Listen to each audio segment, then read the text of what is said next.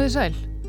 Í ljósi sögunar fjallaði fyrir nokkru um Hillary Rotham Clinton, stjórnmálaskörungin bandariska sem nú hefur gulltrygt sér útnefninguna sem fórsetæfni demokrataflokksins fyrir fórsetakostningarnar þar vestanhafs í november. Það er vissulega sögulegt. Hillary er fyrsta konan í sögunni sem hlýtur útnefningu sem fórsetaefni annars tveggja stóru flokkana sem hafa gnæft yfir bandarist stjórnmálasvið svo að segja frá upphafi. En hún er auðvitað ekki fyrsta konan sem sækist eftir slíkri útnefningu. Er hafa verið all nokkrar í gegnum árin þó enginn hafi orðið eins farsæl og Hillary nú. Og Hillary er heldur ekki fyrsta konan sem býður sig fram til fórseta í bandaríkunum ef aðrir stjórnmálaflokkar en demokrater og republikanar eru teknir með í reikningin. Alls ekki.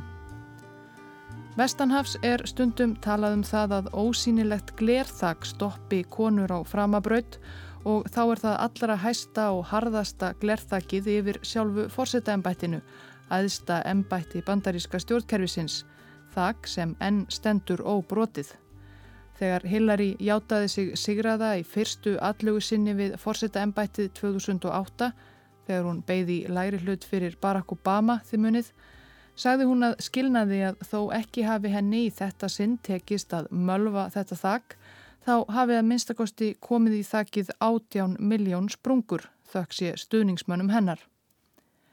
En allra fyrsta sprungan í þetta margumrætta glerþak kom 136 árum áður en Hillary mælti þessi orð. Heiðurinn að þeirri sprungu átti fyrsta konan sem böð sig fram til fórseta bandaríkjana, Victoria nokkur Woodhull. Það var árið 1872 og þetta var einlega fáránlega djarft skref fyrir konu á þessum tíma. Ekki síst vegna þess að engin von var til þess að Woodhull gæti kosið sjálfa sig. Það var enn næri því hálf völd þanga til bandarískar konur fengu kostningarétt. Það gerðist ekki fyrir 1920. Viktoria Woodhull hefði reyndar aldrei getað kosið sjálfan sig því hún var í fangelsi á sjálfan kjördaginn 5. november 1872 en það er saga sem við komum að síðar í þessum þætti. Það er af nóg að taka þó svo að Viktoria Woodhull sé í dag aðalega minnst sem neðanmálskrein í mannkinsögunni átti hún ótrúlegt lífslaup. Hún var ekki bara fórsetaframbjöðandi, hættur einnig með allra fyrstu kvenkins verðbrefajöfrum á Wall Street, spíritisti og sjáandi, átti stöðugu stappi við yfirvöld og var langt á undan sínum samtíma í ótal efnum.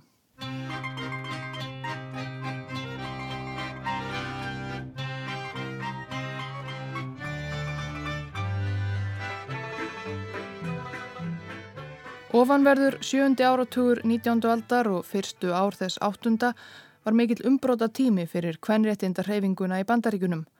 Bandarísku borgarstyrjöldinni lauk 1865. Margar konur hafðu barist fyrir réttindum þræla og þeldökra fyrir stríðið og í stríðinu og að því loknu litu þær í kringum sig og áttuðu sig á því að þeirra eigin réttindamálum var ekki síður ábútafand. Fjöldi samtaka og hópa leitt dagsins ljós á árunum eftir stríðslokk til að berjast fyrir auknum réttindum hvenna, ekki síst kostningarétti. Með 15. breytingu bandarísku stjórnarskrárinar sem var samþygt í ársbyrjun 1870 fengu þeldökkir bandaríkjaman kostningarétt. Þú reyndar hafi mörg ríki lengi enn beitt ímsum brögðum til að koma í veg fyrir að þeldökkir fengju að láta í ljós skoðun sína í kjörklefunum. Og þetta átti aðeins við um Karla. Það bólaði minna á því að konur fengju sömu réttindi, sama hvernig þær voru á litin. Tveir fræknir kvenréttindaskörungar, það er Elizabeth Katie Stanton og Susan B. Anthony, stopnuðu samtökin National Woman Suffrage Association um þetta leiti, einmitt til að berjast fyrir kostningarétti kvenna. Samtökin byrjöðu fljótt að láta til sín taka. Í mæbyrjun 1872 emdu þau til Jabréttis Þings í Apollo leikúsinu sögufræga á Manhattan. Þingið var fjölsótt. Jabréttis sinnar bæði konur og karlar og ímiskonar rótæklingar, sósialistar, friðarsinnar og templarar fylgtu bekki Apollo leikúsins dag eftir dag. Það var líka mikil pólitísk spenna í loftinu. 1872 var kostningár.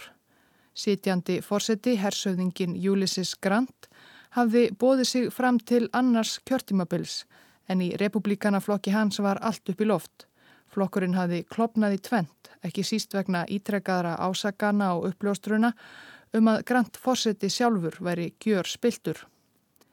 Klopningsfylking sem nefndi sig frjálslinda republikana bauð einnig fram sitt fórsetefni, útgefandan Horace Greeley og svo mikið var demokrautum í mun að koma Grant frá að þeir dróðu sig úr kostningabaráttunni og lístu stuðningi við Greeley og frjálslindu republikanana.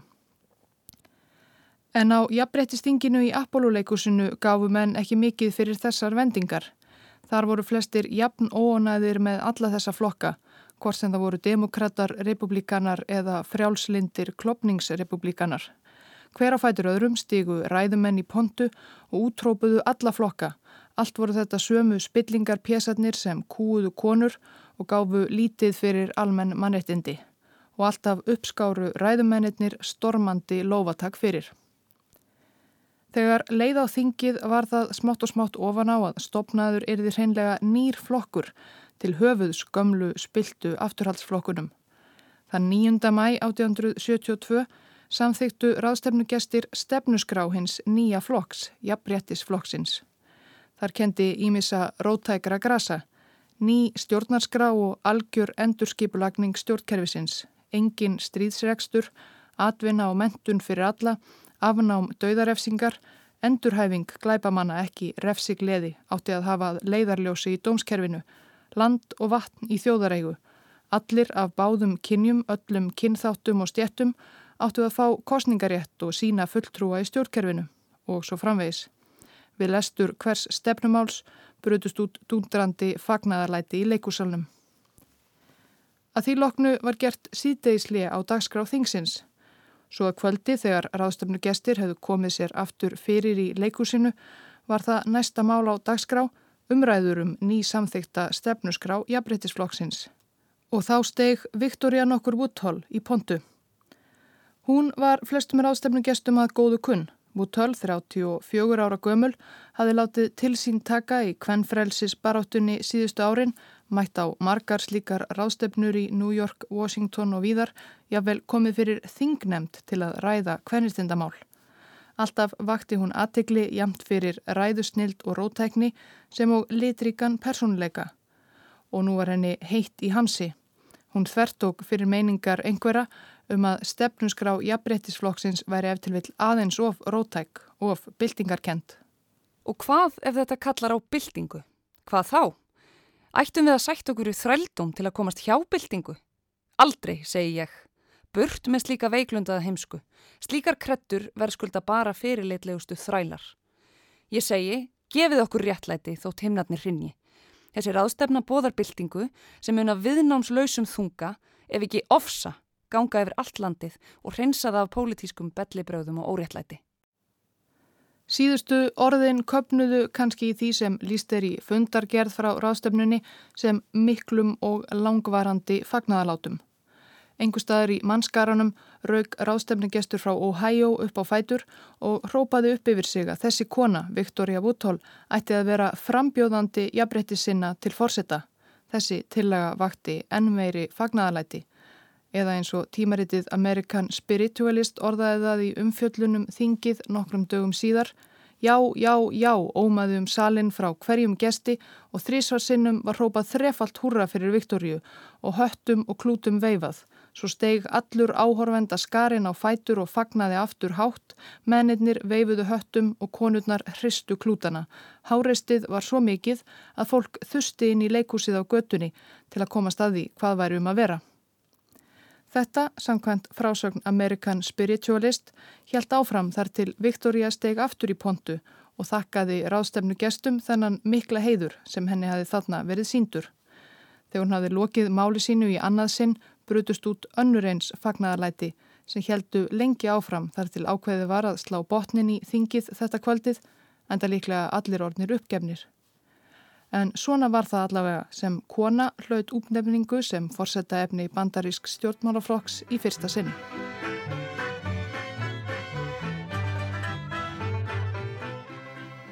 Eins og við heyrðum í fyrir þætti í ljósi sögunar ólst Hillary Clinton upp á miðstjættarheimili í útkverfi Chicago, gekk í ágæta skóla, tók þátt í ímiskunar félagsstarfi og átti að flestu að dæma nokkuð góða og þægilega æsku. Uppvöxtur fyrirrennara hennar var nokkuð öðruvísi.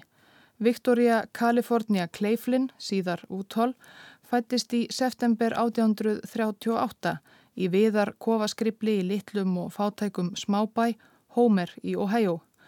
Hún var skýrð Victoria því þetta sama ár hafði Victoria sest á drottningarstól í Breitlandi og hún var svo sjöunda af alls tíu börnum hjónana Roxannu og Rúben Kleiflin. Fadurinn Rúben var sveikarrappur að atvinnu.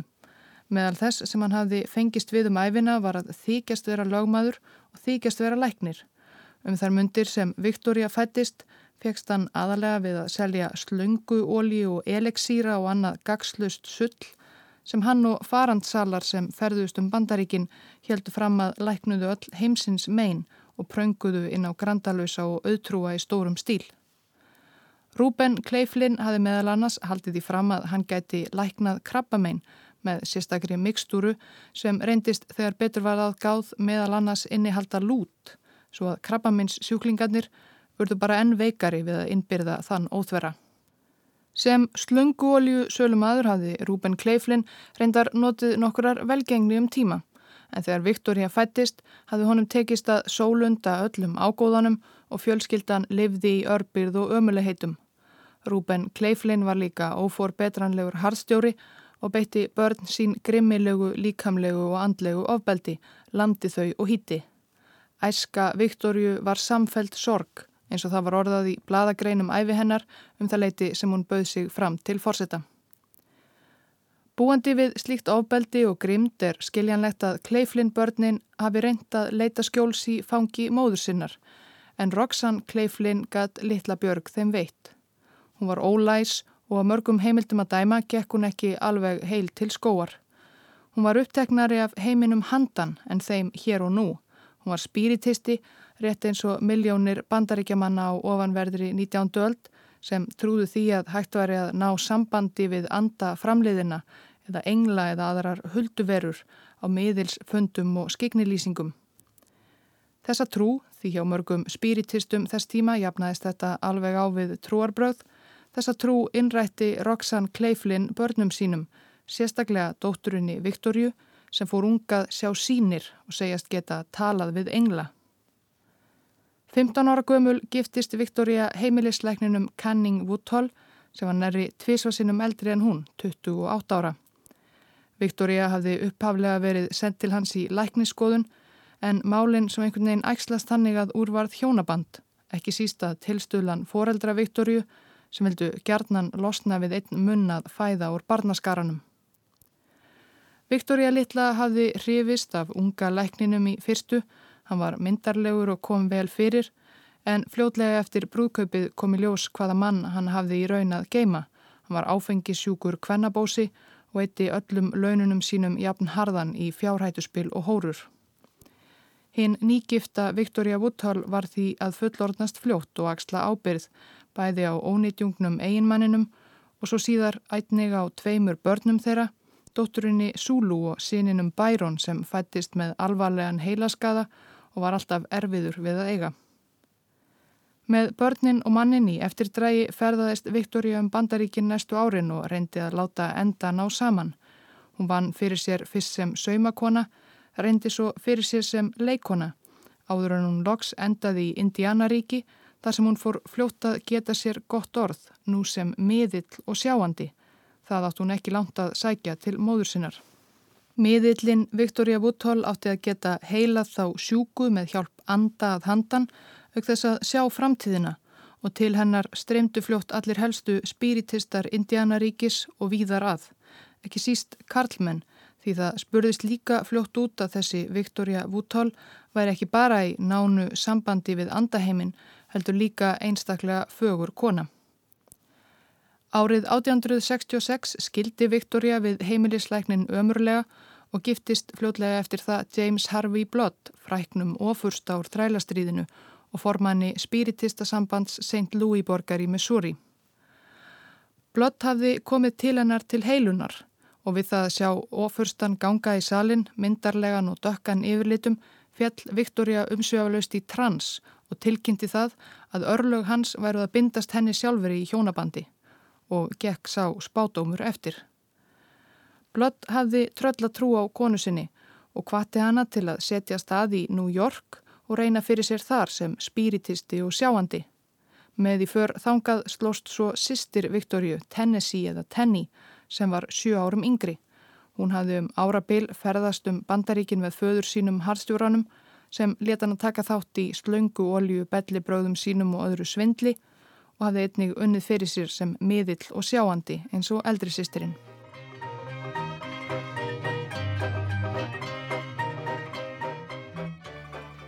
New York hefur verið kölluð borg tækifærana og það var hún sannarlega í tilfelli þeirra sistra Victoria Woodhull og Tennessee Claflin. Svo heppilega vildi til að einn af ríkustu mönnum bandaríkjana á þessum tíma var sérlegur áhuga maður um spiritisma og allt yfirnáttúrulegt og þegar hann frétti að finnum ungu skignu sistrum sem voru nýkomnar til stórborgarinnar tók hann á móti þeim fagnandi á setur sitt í Greenwich Village. Þessi andlega sinnaði auðmaður var engin annar en skipa og játbröta kongurinn Cornelius Vanderbilt. Hann var hálf áttræður og nýjórðin ekkill þegar hann kynntist sístrunum um 1868 og fannst áraðanlega ekki leiðinlegt að komast í kynni við tvær ungar konur sem voru ekki bara í nánum tengslum við andaheimin heldur einnig íðil fagrar. Viktoria hófst strax handa við að koma skipa konginum í samband við framliðina sem reyndust ekki síst geta gefið honum reyndum manninum merkilega framsýnar og skarpar ráðleggingar um hlutabrjáviðskipti. Næstu misserinn grætti vanderbilt miljónir á ráðleggingum sístrana, sýrilagi Viktorju og hvort sem þær ráðleggingar komu að handan eða voru bara sprotnar úr þeirra eigin meðfættu kænsku. Svo uppnuminn af hlutabriða skikni þeirra varð vanderbilt að hann ákvaða verja hluta af auðafum sínum í að hjálpa þeim að koma upp sínu eigin verðbriða fyrirtæki á Wall Street, fara út í annars konar miðlun ef svo máð orði komast. Og árið 1870 opnuðu þær sístur með aðstóð auðmannsins fyrirtækið Woodhull Claflin Company. Stopnun fyrirtækisins vakti mikla aðtegli. Það var ekki bara óveinulegt að konur skiptu sér af viðskiptum í kauphöllum Wall Street. Það var þarna árið 1870 eiginlega alveg óheirt. Engin kona hafi nokkur sinni haft það sinni atvinnu að vera verðbreyfasali áður. Hvað þá að fyrir heilu verðbreyfa fyrirtæki færu tvær konur, ungar og fallegar. Þetta trillti bandarísku pressuna. Myndir byrtust af þeim sístrum við viðskiptastörf sín, glæsilega uppábúnar í ökla síðum kjólum Það var sjokkerandi stutt með að við hefðir þess tíma og átti öruglega sinn þátt í að viðskiptavinnir hópuðust til Woodhull, Claflin and Company.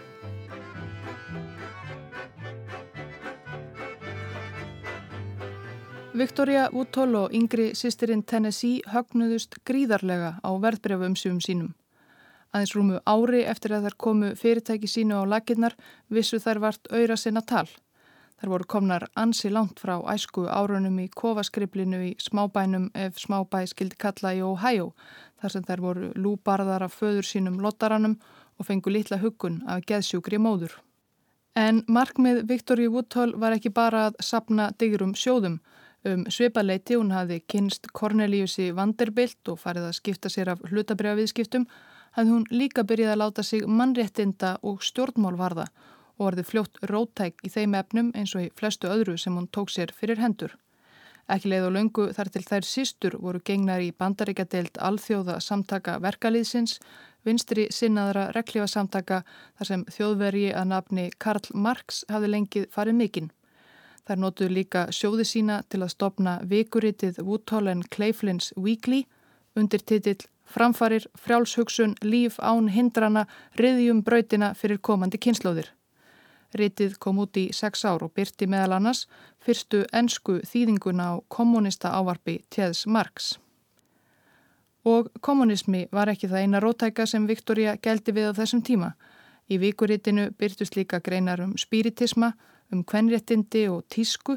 Viktoriu var umhugað um að konur fengju að klæðast stittri pilsum en hennum þungu viktoriunsku hólkum sem almennilegar konur áttu að klæðast á þessum tíma um grænmetisátt og um samskipti kynjana og kynlíf.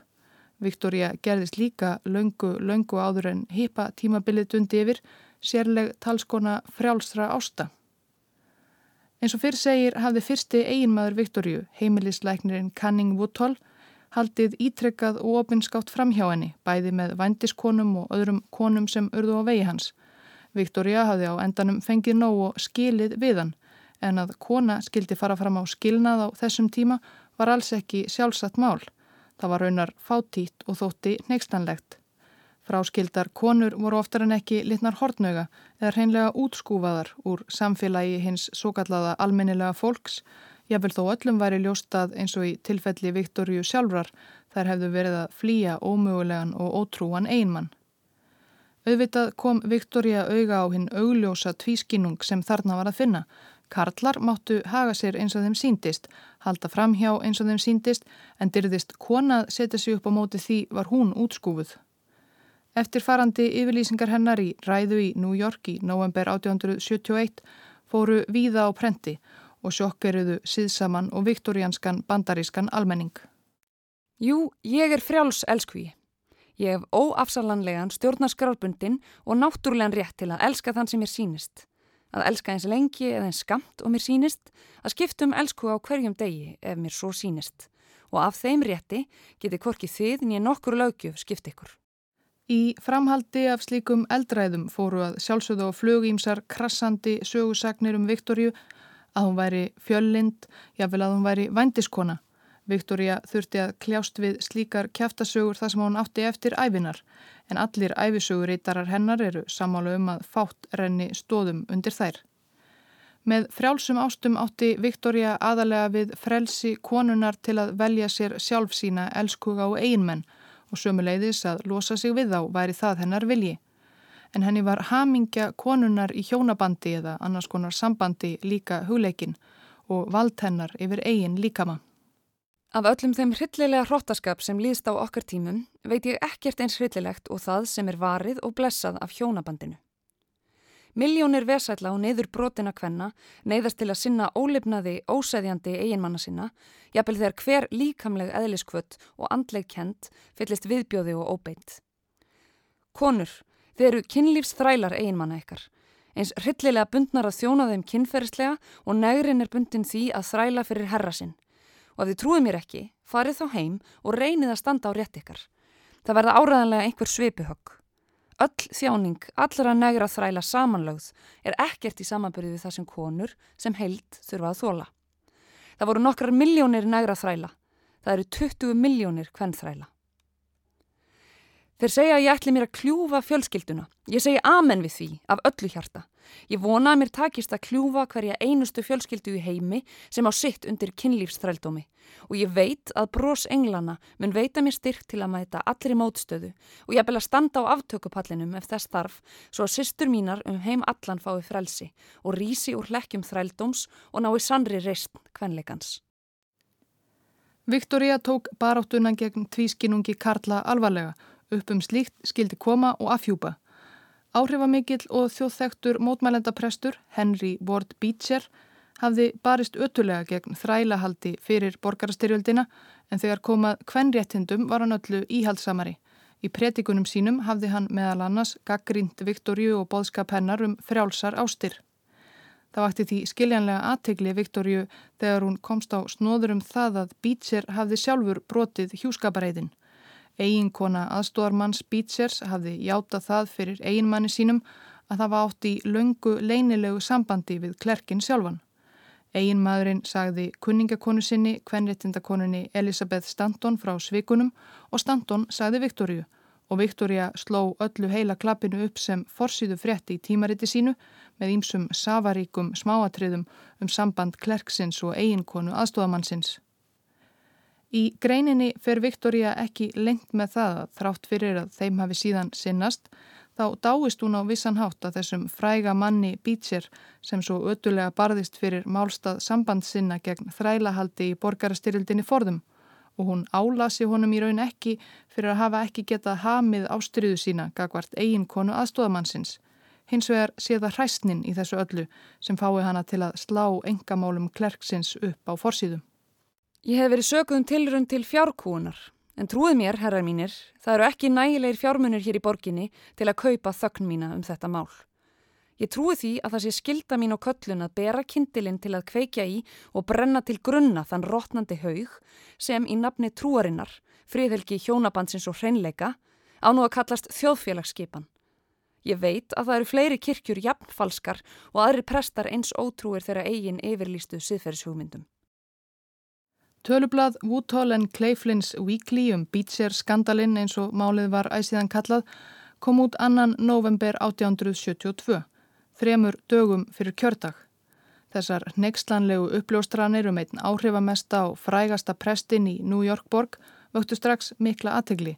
Blöðin röku út sem aldrei fyrr, upplægið hafi verið takmarkað, svo innan sólarhings voru blöð sem vanalega voru selda á 10 cent farin að ganga kaupum og sölum fyrir alltaf 40 dollara.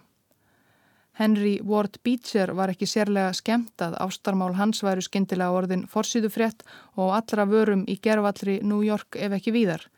Hann hafði samband við yfirvöld og ekki leið og löngu þar til lauruglumenn á hestvögnum knúðu dýra og skrifstofu verðbreyfasölu fyrirtækis þeirra sistra við Wall Street. Síðstutnar á samt blott ofursta, eigin manni Viktorju, voru handteknar grunaðar um hinn hræðilega glæp að hafa sendt klámefni í pósti.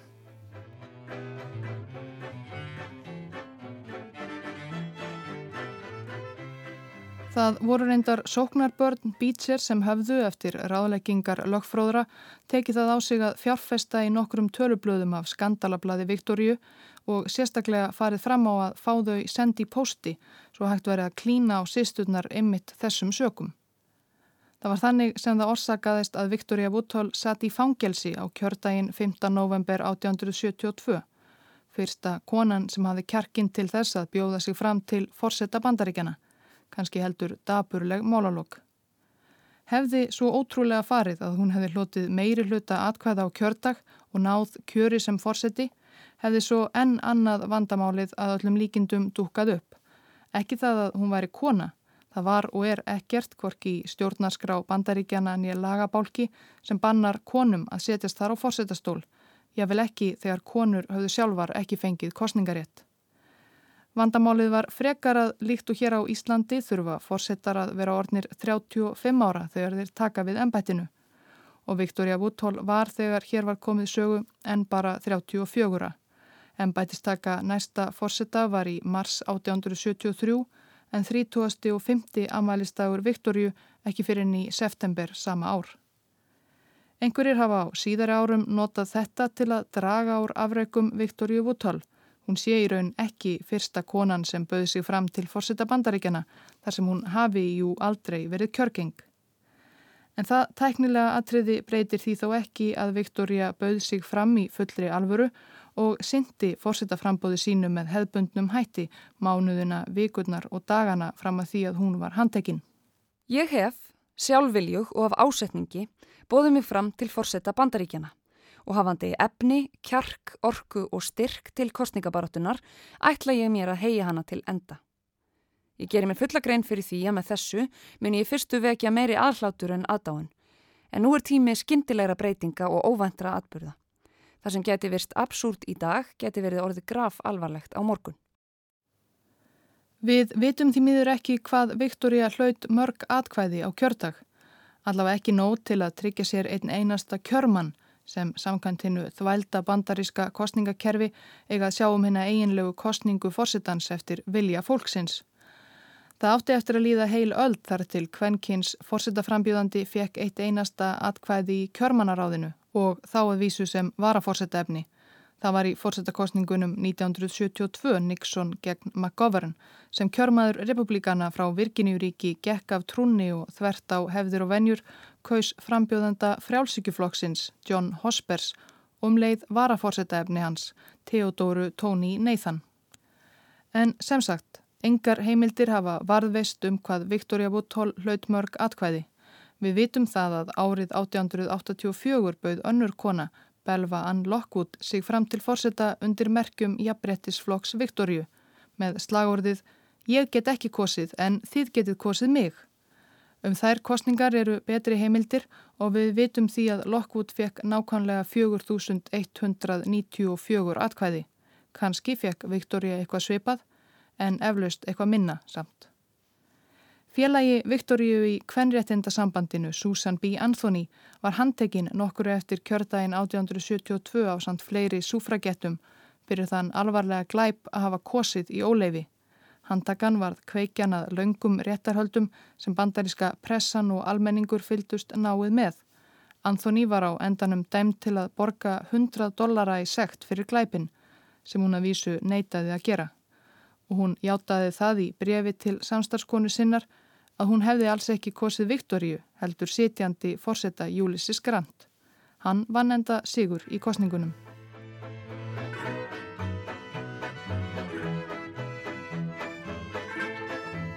Victoria Woodhull, sýstir hennar Tennessee og eigin maðurinn Blott Ofursti sátu í nokkra daga í fangelsi áður en þau voru öll síknuð af ákjærum að hafa dreift klámfengnu efni þar sem ekki hafi tekist að sanna að frásögnin af framhjáhaldi klerksins væri klámfengin eður ei.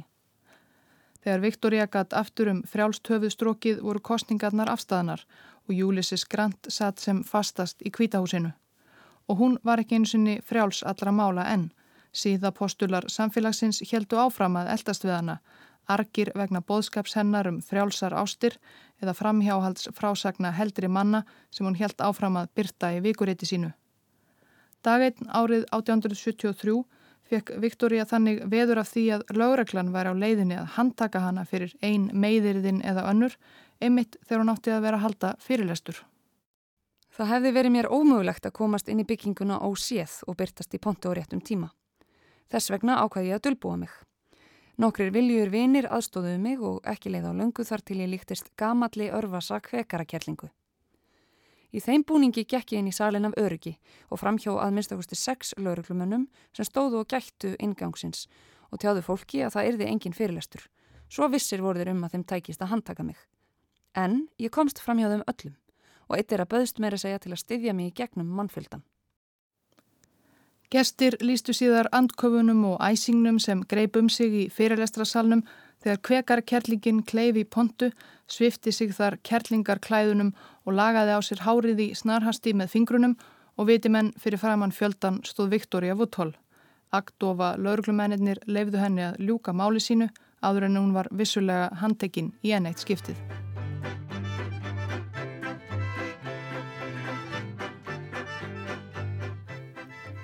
Árið 1876 skildi Viktoria við eiginmann sinn til tíu ára, blott ofursta. Hálfu ári síðar lést velgjörðamaður þeirra sistra, hjálpbröytar konungurinn Cornelius Vanderbilt, 83 ára. Hann arfleiti þær að umtalsverðir fjárhæð. Viktoria var þá ekki orðin færtug, bara 39 ára, en hafði sannarlega lifað ímislegt, hafði rifið sig upp úr örbyrð og komist til efna, gift sig tvísvar og skilið jafn oft, en nú var hún orðin langt þreytt á að vera sífælt að komast í kast við laugin, kljást við afturhaldsöfl og grimmar kæftasögur. Hún ákvað því að söðla um og árið 1877 fluttu þær sístur austur yfir hafið allarleið til Englands. Í Lundunum hjælt Viktoria áfram að halda fyrirlestra um ímis hugðarefni sín, kvennfrelsi, samskipti, kynjana og kynlíf og svo framvegs, ánþess þó að valda nokkuð tíman þeim usla sem hún hafi gert í bandaríkunum. Á einum fyrirlestrinum kynntist hún ennskum bankamanni John Biddulph Martin og þau giftu sig 1883. Sem gift kona í Breitlandi fegst Victoria við ímislegt, helt fyrirlestra gaf út tímaritt The Humanitarian og svo framvegis. Þegar eigin maðurinn lést á fyrsta ári 20. aldar drón síð hlje og kom sér fyrir í litlu sveitaþorpi í Vosterskýri á suðvestur Englandi. Þar lést hún árið 1927. Hún var 88 ára. Það voru þá 55 ár síðan hún bauð sig fram til fórseta bandaríkjana en aðeins 7 ár síðan bandarískar konur fenguloks kostningaréttin sem hún og stöllur hennar hafðu barist fyrir árum og áratugum saman þegar 19. breyting bandarísku stjórnarskrárinar var samþygt árið 1920. Árið 1964 bauð republikani frá meina nafni Margaret Chase Smith sig fram í fórkostningum republikanaflokksins. fyrsta konan sem reyndi að verða fórsetaefni annars stóru flokkana tvekja. Þá var Hillary Clinton 17 ára og einmitt að stíga sín fyrstu skref á stjórnmálabrautinni sem ungur republikani og sjálfbúðaliði fyrir andstæðing Margaret J. Smith Barry Goldwater. Smith þátti eftir að lúta í lægra hlut fyrir Goldwater en hlaut meira en 200.000 atkvæði flokksmanna. 1972, sama ár og frjálsíkjukonan Tony Nathan hlaut Körmans atkvæðið sögulega, bauð Shirley nokkur Chisholm sig fram í forkostningum demokrata. Hún var fyrsta konan sem bauð sig fram hjá demokratum og sömuleiðis fyrsti þeldökki bandaríkjamaðurinn sem bauð sig fram fyrir stóru flokkana tvo. Þó ekki hrefti hún tilnefninguna, gekk henni ágætlega og notaði velgengnina til að koma réttindamálum kvenna og þeldökra að á landsfundi demokrata. Sósialistinn Linda Jenness, einnig 1972, græningin Jill Stein 2012, Ellen McCormack, Patsy Takemoto, Mink, Sonja Johnson, Patricia Schröter, Lenora Fulani, Elizabeth Dole, Cynthia McKinney, Michelle Bachmann. Já, það má tellja upp ansi margar konur sem hafa gert atlögu auðvitað mis árangusríkar að fórseta ennbætinu Vestanhafs áður en Hillary Clinton kom til sögunar. Auðvitað gerir það afreg Hillary á þessu sviði ekkert ómerkilegri. Nú er jú loksins almenlegar líkur á því að henni takist það sem henni tókst ekki fyrir átta árum að mölva í eitt skipti fyrir öll, harðasta og hæsta glerþakið og hreppa fórsetaembættið fyrst bandarískra kvenna. En gleymum því samt ekki að svo kona sem tók fyrsta skrefið og gerði fyrstu sprunguna í þetta allræmda glerþak var Viktoria Bútól.